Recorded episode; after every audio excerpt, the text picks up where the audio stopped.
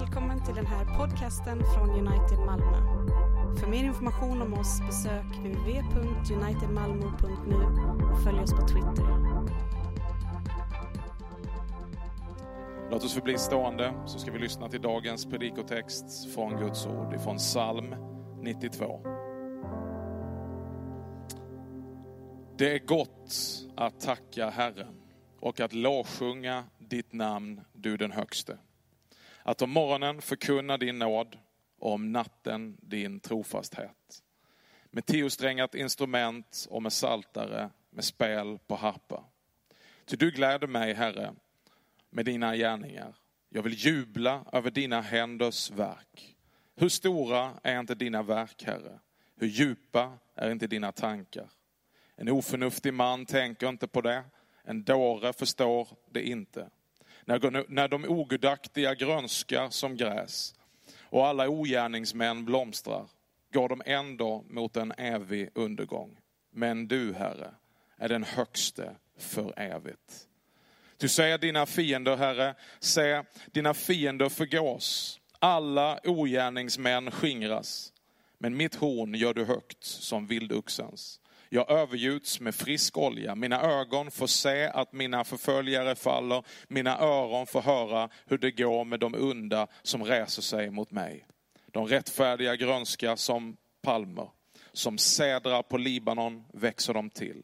De är planterade i Herrens hus. De grönskar i vår Guds förgårdar. Ännu vid hög ålder bär de frukt. De frodas och grönskar för att förkunna att Herren är rättfärdig. Han är min klippa och ingen orätt finns i honom. Detta är Guds ord till oss idag. Amen. Hej! Mitt namn är Carolina Mellegård och eh, jag har varit en del av United här i Malmö sedan 2002 när jag flyttade hit. Så det är ett tag eh, och jag är väldigt tacksam för det. Eh, jag bor här med min eh, familj, min man Jakob och våra flickor Amanda och Elvira. Och jag har förmånen att predika här idag. Det är jag väldigt glad för. Innan vi börjar, låt oss be. Gud, du är stor och du är trofast. Tack för att ditt ord är det som skapar tro i oss. Ditt ord är det som ger oss det som vi behöver, vår mat för dagen. Gud, jag ber att ditt ord ska få, få fäste i våra hjärtan, i våra liv idag när det predikas. I Jesu Kristi namn. Amen. Psalm 92 är det jag ska tala om och jag tänkte börja med att ge en liten allmän inledning om Saltaren som ju är bibelboken som salmen kommer ifrån. Det var en kollega till mig, jag sa att jag skulle tala om psalm 92. Hon undrade om det var någon sång från psalmboken. Men jag sa att det finns en bok i Bibeln som heter Saltaren och de kapitlen kallas också för psalmer. Psalmerna är ju till sin natur böner eller lovsånger till Gud. Och de var tänkt på den tiden när de skrevs att de skulle användas som lovsånger och sjungas i templet. Ehm, och det är precis så vi upplever dem när vi läser dem idag. Att det är ju sånger som är riktade till Gud. Ungefär hälften av psalmerna är skrivna av kung David. Och det finns ingen exakt datering av psalmerna, men det är inte så jättebetydelsefullt heller. Men det, David levde ungefär tusen år innan Kristus, det vet vi. Så det, det här är gamla texter. Men de är användbara för Guds folk i alla tider och högst användbara för oss idag. Och det finns tre viktiga användningsområden idag som vi kan se när det gäller psalmerna. Dels så vägleder de oss när det gäller gudstjänst. Det är ett hjälpmedel för oss att få lovsjunga Gud. Vi hörde Magnus läste psalm 62 innan. Och det, de riktar oss mot Gud och hjälper oss att lovsjunga Gud. Och då, psalmerna, om ni läser lite mer, så handlar de om väldigt mycket olika slags känslor som vi kan rikta till Gud. Så de visar oss att det är helt okej okay att rikta alla sina känslor till Gud. Det är bättre än att vi riktar dem mot varann. Gud, han kan ta det. Eh, salmerna visar också på hur viktigt det är att få meditera och reflektera över Guds storhet. Många salmer beskriver hur stor Gud är, att han är den högste.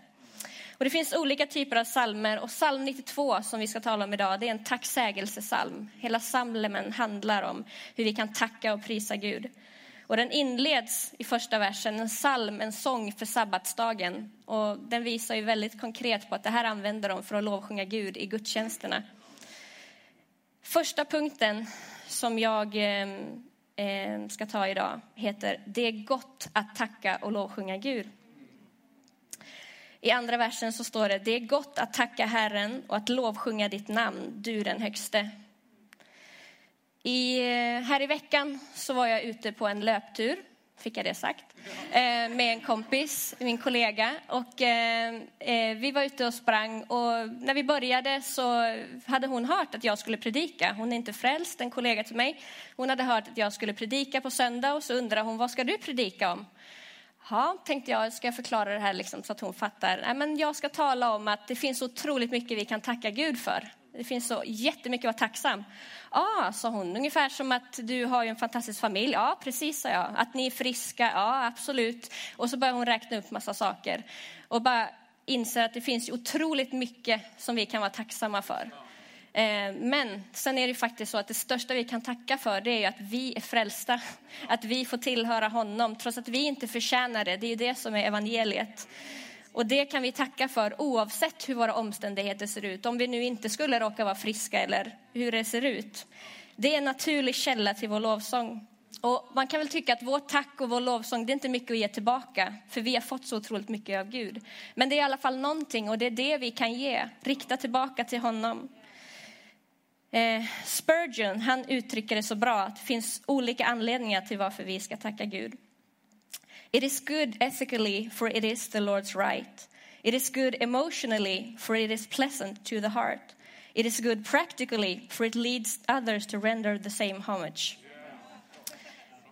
Gud är först och främst värd vår lovsång för att han är stor, han är den han är, han är den högste. Sen är det faktiskt så att det ger någonting tillbaka till oss. Ehm, att det är ljuvligt för oss att få lovsjunga honom. Sen är det också så att det leder ju andra människor till honom när vi lovsjunger honom. Så det finns många bra anledningar till varför vi ska tacka och lovsjunga Gud. Sen kan man ju lägga en annan betoning på den här rubriken och säga att det är gott att tacka och lovsjunga Gud, inget annat. För det finns otroligt mycket i den här världen som vi tackar, hyllar och lovsjunger. Man skulle till exempel kunna skriva under på att eh, majoriteten av alla svenskar är soldyrkare. Även om vi inte är från ancient Egypt. Men den här sommaren så har man ju bara kunnat läsa på alla sociala medier hur underbart det är med solsken. Man skulle nästan kunna tro att vi är soldyrkare. Men det är inte solen. Jag menar Gud, han är större. Han har skapat solen, stjärnorna och hela universum. Det är Gud som vi ska tacka och lovsjunga, ingen annan. Hur ska vi då göra det? Salmisten går vidare och eh, det leder oss till nästa punkt. Vi ska lovsjunga Gud morgon och kväll. I den tredje versen så står det att om morgonen förkunnar din nåd och om natten din trofasthet.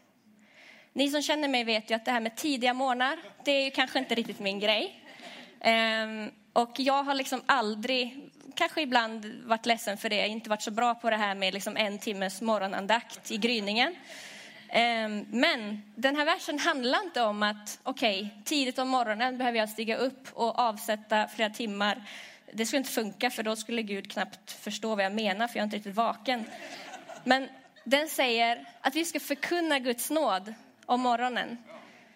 Det är bara att göra det till sin vana att varje dag när man vaknar upp, tänk vad underbart att bara, Gud, idag är din nåd ny. Idag är, finns din nåd för mig. Eh, idag är det din nåd som räddar mig, fast jag inte förtjänar det. Jag menar, det är många gånger som man vet att man brukar säga att man lägger sig som en, som en kristen, men man vaknar ändå som en hedning. Eh, man behöver predika till sig själv kanske varje morgon. Gud, idag finns din nåd till för mig. Eh, så att, av den anledningen är det väldigt bra att göra det till en vana. Att varje morgon bara tacka Gud för att idag finns din nåd och påminna sig själv om det.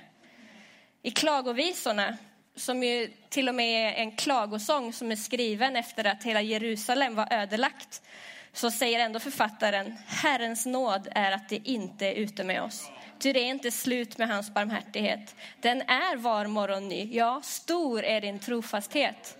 Det är fantastiskt. Oavsett omständigheter så är det en sak som vi verkligen ska lovsjunga Gud för. Likadant så kan vi varje kväll se tillbaka på dagen och vad vi än har varit med om, bara tacka Gud för att du har varit med mig hela dagen. Du är trofast. Om vi återgår till det här med löpningen då. Ehm, så min eh, kompis Maggan, hon var ju med mig och sprang. Och ehm, jag har tagit på mig en utmaning att jag ska springa midnattsloppet.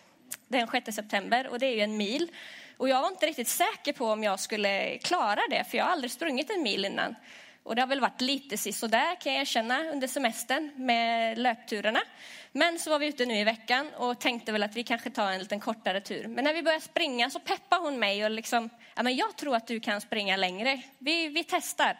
Okej, okay, vi testar. Så vi tog en längre tur eh, ner från Limhamn bort mot eh, Sibbarp, jättevackert längs med havet, upp mot brofästet och vi fortsatte springa. Och hon var ju med mig hela tiden och jag tänkte att jag själv, jag vet inte om jag klarar detta. Men hon sprang ju med mig hela tiden och hon pratade med mig och försökte villa bort mig och ville prata med mig också. Till slut var jag tvungen att säga till henne att jag orkar inte prata nu, kan, kan jag få vara tyst? Eh, men faktum är att jag lyckades springa i torsdags en hel mil, så nu vet jag att jag klarar av det. Och varför berättar jag det? Ja, min kompis Maggan, hon är trofast. Hon sprang med mig hela vägen. Hon var med mig genom hela den utmaningen. Men Gud, han är ännu mer trofast. Han är med oss genom hela livet. På samma sätt som en vän är med oss i våra utmaningar så är Gud, han är trofast och det är någonting som vi kan lovsjunga honom för och tacka honom för varje kväll. Nästa punkt, lovsjunga Gud med våra liv läser vi den fjärde versen att vi kan lovsjunga Gud med tiosträngat instrument och saltare med spel på harpa.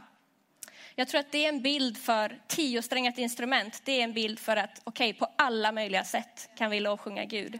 Här har vi ett instrument som är otroligt varierat. Harpa, den tar upp olika exempel. Och musik, det är ju någonting, ett naturligt sätt för oss att lovsjunga Gud. Vad underbart det var här i inledningen att bara få stå med lyfta händer och lovsjunga Gud. När man liksom får ja, hjälp med ljuvliga toner och som kan vara med och lyfta upp de orden som man känner upp till himlen. Det är helt fantastiskt. Och musiken är ju en gåva till oss från Gud och det ska vi använda. Och lovsång, lovsång kan sjungas till alla möjliga sorters musik. Det behöver liksom inte vara den typen av musik som man hör här i kyrkan eller i andra kyrkor. Jag menar, bara det att vi sätter ord på det vi känner och det kan lyftas upp av musik, då blir det lovsång. Men det är viktigt att komma ihåg att det är inte faktiskt musiken i sig som gör att det blir en lovsång till Gud. Utan det är det som vi uttrycker. Ibland kan det bli så att vi lovsjunger lovsången i sig. Att vi mer lyssnar på musiken och wow vad duktiga de är på att spela och sjunga och så tappar vi det viktigaste. Och igen har jag ett citat av Spurgeon. Han säger Fine music without devotion is but a splendid garment upon a corpse. Jag tycker det är fantastiskt. Det är som att dekorera ett lik om vi sätter musik utan passion eller utan överlåtelse till Gud. Men lovsång är inte bara att sjunga. Hela livet kan vi leva som en lovsång till Gud.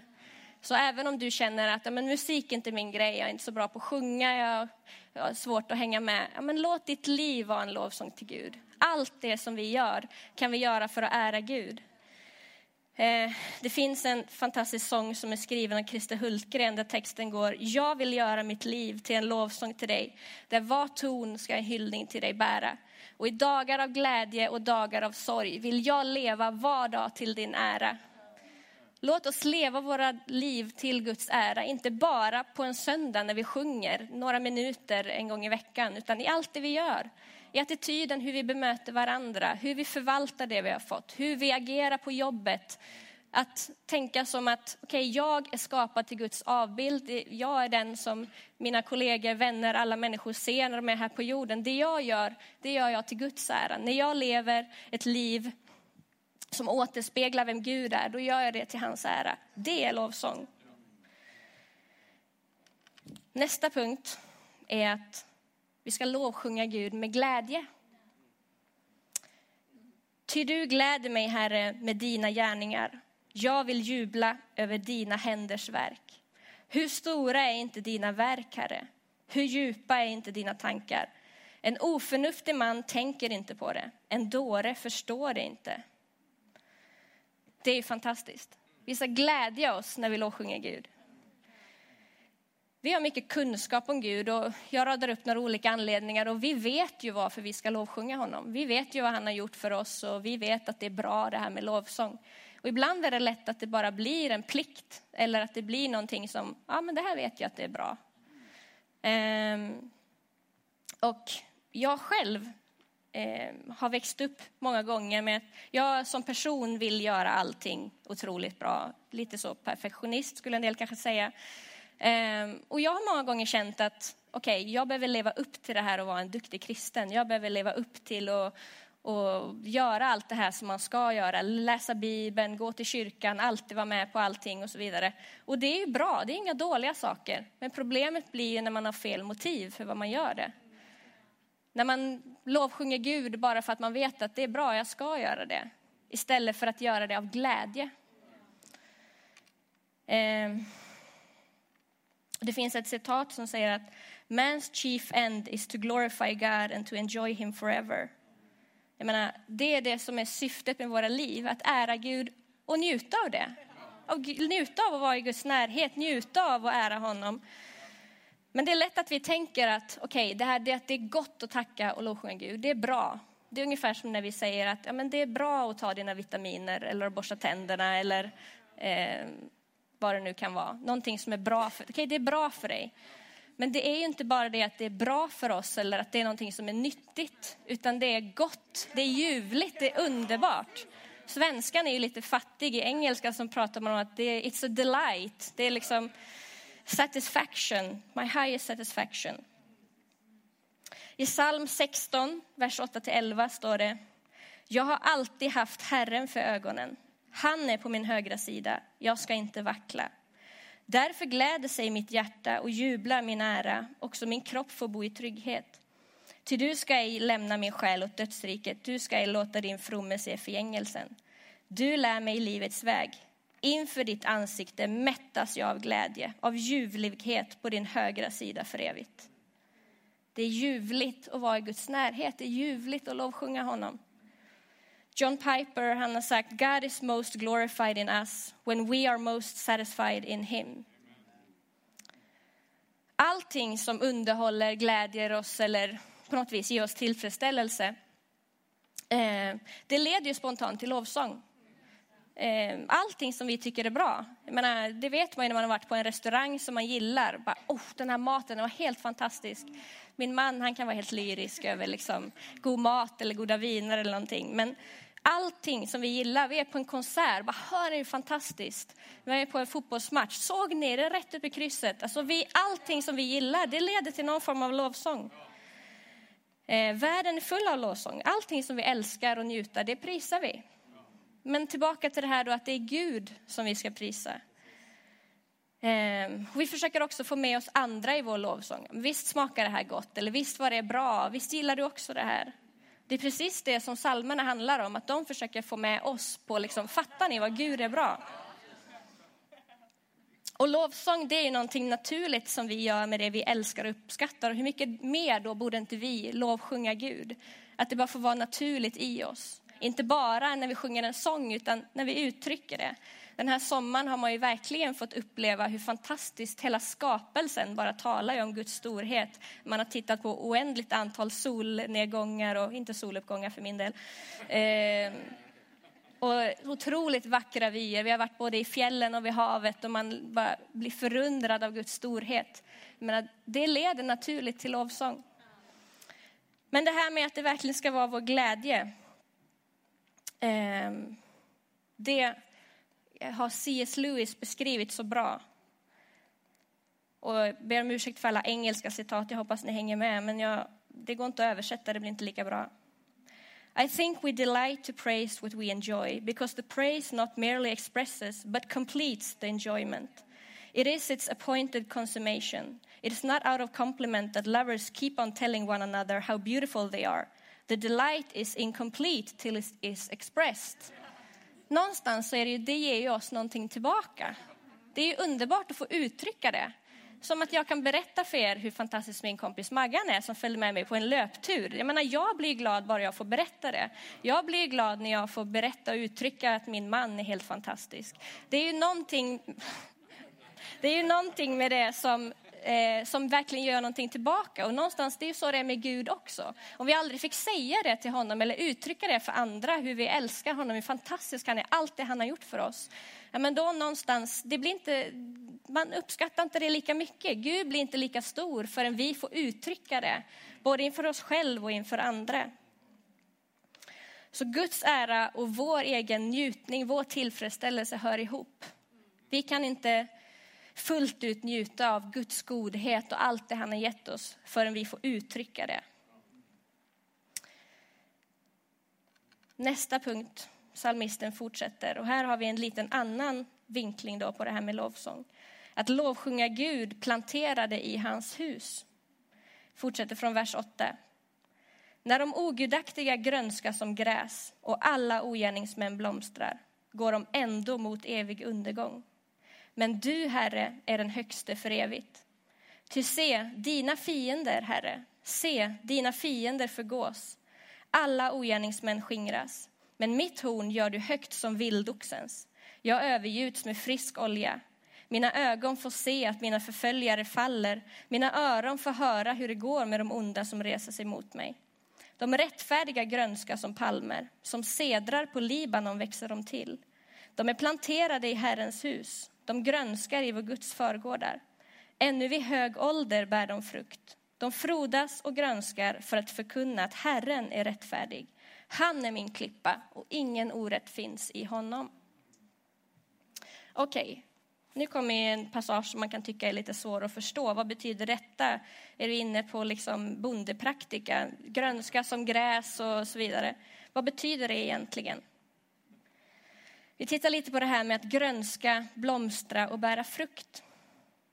När de ogudaktiga grönskar som gräs och alla ogärningsmän blomstrar, grönskar som palmer, som sedrar. Ännu vid hög ålder bär de frukt, de frodas och grönskar. Okej, okay, när de ogudaktiga grönskar, okej, okay, men det ju, kan man ju fundera lite. Vad innebär det? Kan de också grönska? Ja, absolut. Alla människor här i världen grönskar, men om vi jämför hur de ogudaktiga grönskar och de rättfärdiga, vilket ju är vi då som har fått blivit rättfärdiggjorda i Kristus, så ser vi att de ogudaktiga grönskar som gräs och de rättfärdiga grönskar som palmer och sedrar.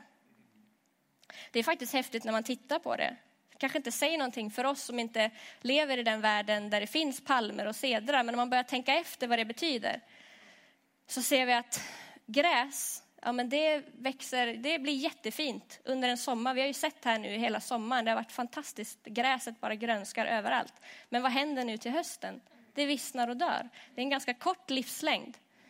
Men om vi tittar på dadelpalmer som fanns i Israel på den här tiden, eller cedrar, så ser vi att okej, okay, de grönskar, eh, de växer högt, de är resliga och de grönskar var de än är. Palmen växer i dalen eller i öknen. Seden växer på berget. De grönskar i alla säsonger.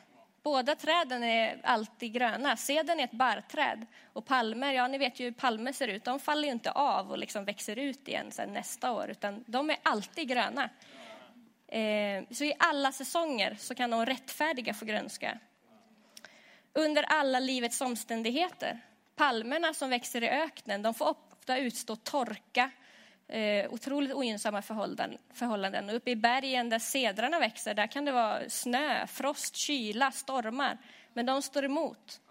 Det lär oss att i den här texten att det betyder faktiskt någonting när det står som palmer och sedrar. Men det är så det är för oss. Att vi grönskar genom alla säsonger, under alla förhållanden och på alla platser där vi är. Ehm. Och vad betyder då det här med att grönska och blomstra?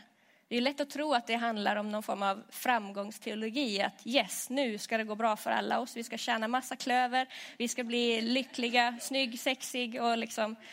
Men det är inte riktigt det det handlar om. Det är inte på det sättet som, som Bibeln talar om att vi ska grönska, utan vi har blivit välsignade med all den himmelska världens andliga välsignelse, säger Paulus i Efesierbrevet. Och det är vi oavsett omständigheter. Vi är redan välsignade. Vi grönskar för allt det som vi har fått av Gud. Vi har fått hans nåd, att vi inte förtjänar det, men ändå så har vi fått ta del av hans frälsning. Hans plan som han tänkte ut innan tidernas begynnelse, den har han gett till oss. Och det är en välsignelse. Vi är redan välsignade och vi kommer fortsätta vara det i evighet. Och det är det psalmisten visar med den här bilden att för de som inte tar emot Gud, ja men de kan blomstra en kort tid. Men vi vet att det vi har fått det är av evig karaktär. Det kommer vi få ta del av i evighet. Eh, och den frukten som den talar om, att ännu vid hög ålder bär de frukt. De frodas och grönskar. Frukten som kommer ur våra liv, det är inte heller hur mycket pengar vi tjänar eller hur stort hus vi har eller hur många bilar vi har. Utan det är ju vad, de gärningarna, det som karaktäriserar handlingarna som kommer i våra liv, det som automatiskt växer i våra liv. Galaterbrevet talar om vad som är andens frukt.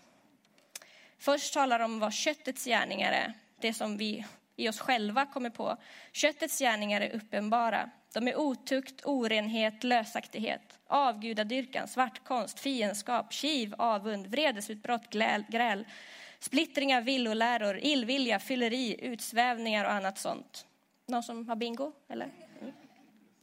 Jag säger er i förväg vad jag redan har sagt. De som lever så ska inte ärva Guds rike. Andens frukt däremot är kärlek, glädje, frid, tålamod, vänlighet, godhet, trohet, mildhet och självbehärskning. Sådant är lagen inte emot. Det här visar att andens frukt, det är liksom bra saker.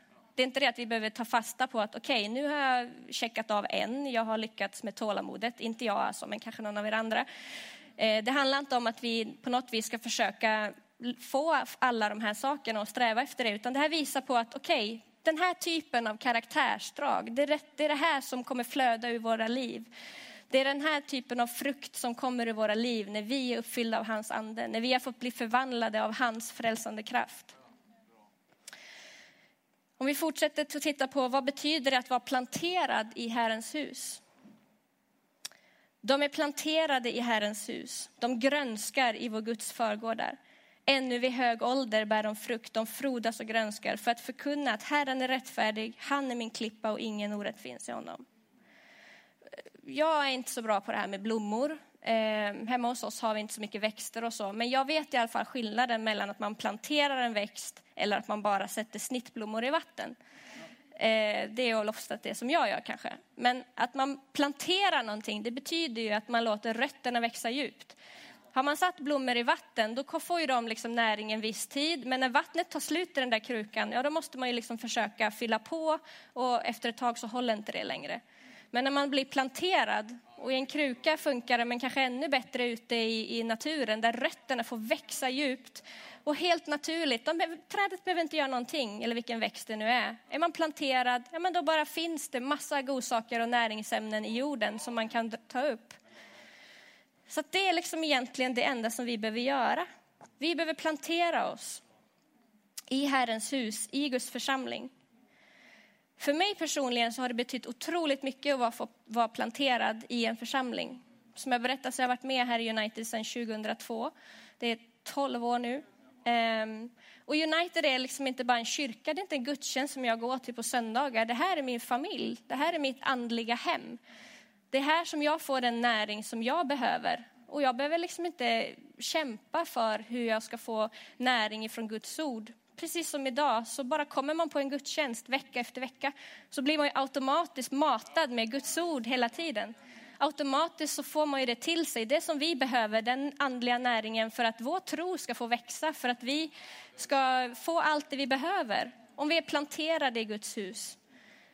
Och det kan ju vara viktigt att förtydliga också att det har liksom ingenting med lokalen att göra. Att vara planterad i Guds hus betyder inte att man behöver vara här i det här huset 24-7.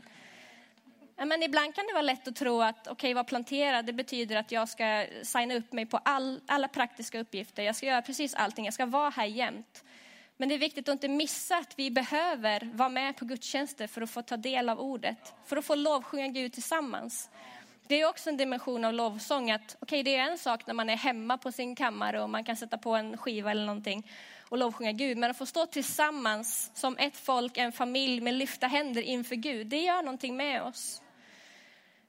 Så var planterad i Guds hus. Då behöver vi inte kämpa för att hitta näring. Och vi kan också vara planterade i kyrkans liv och gemenskap. Att vara planterad innebär ju inte bara att gå på gudstjänst, utan det innebär ju också att okej, okay, det här är min gemenskap, det här är min familj. Som jag kan dela alla möjliga upplevelser, jobbiga upplevelser med, härliga, vi delar sorg och glädje tillsammans. Det är vad Guds, eh, Herrens hus handlar om. Det är vad kyrka är. Och det fantastiska är att när man är planterad, då behöver man inte kämpa för att bära frukt. Det händer automatiskt. Ett äppelträd står liksom inte där varje höst och bara... Utan när man är planterad, det kommer näring, det kommer liksom alltid vattnas och så vidare. Ja, men då kommer frukten. Så alla de här sakerna som Galaterbrevet handlar om, det är inte någonting som vi behöver bara, okej okay, nu ska jag kämpa för att lyckas bära frukt och jag ska kämpa för allt detta. Och likadant det här med att lovsjunga Gud av glädje. Ja, men det kommer också automatiskt när vi kommer hit, lyssnar vecka till vecka. Vad handlar egentligen det här om? När vi får evangeliet, blir påminda om det. Wow, det är fantastiskt. Och det är då vi kan göra lovsång till vår glädje. För att vi bara, Gud, det är du som är mitt allt. Det är du som har det som jag behöver. Även jag kämpar. Jag har utmaningar med det ena och det andra, men okej, okay, jag får påminna mig morgon och kväll. Gud, din nåd är ny idag. Gud, du var trofast den här dagen också. Och vi får göra lovsång till vår glädje. Ehm, så att jag vill avsluta med att bara sammanfatta det så att att vara planterad i Guds hus, det ger oss vila. Bort med all stress och frustration. Och det är ett naturligt upphov till att tacka och lovsjunga Gud morgon och kväll med hela våra liv och att göra det av glädje. Amen.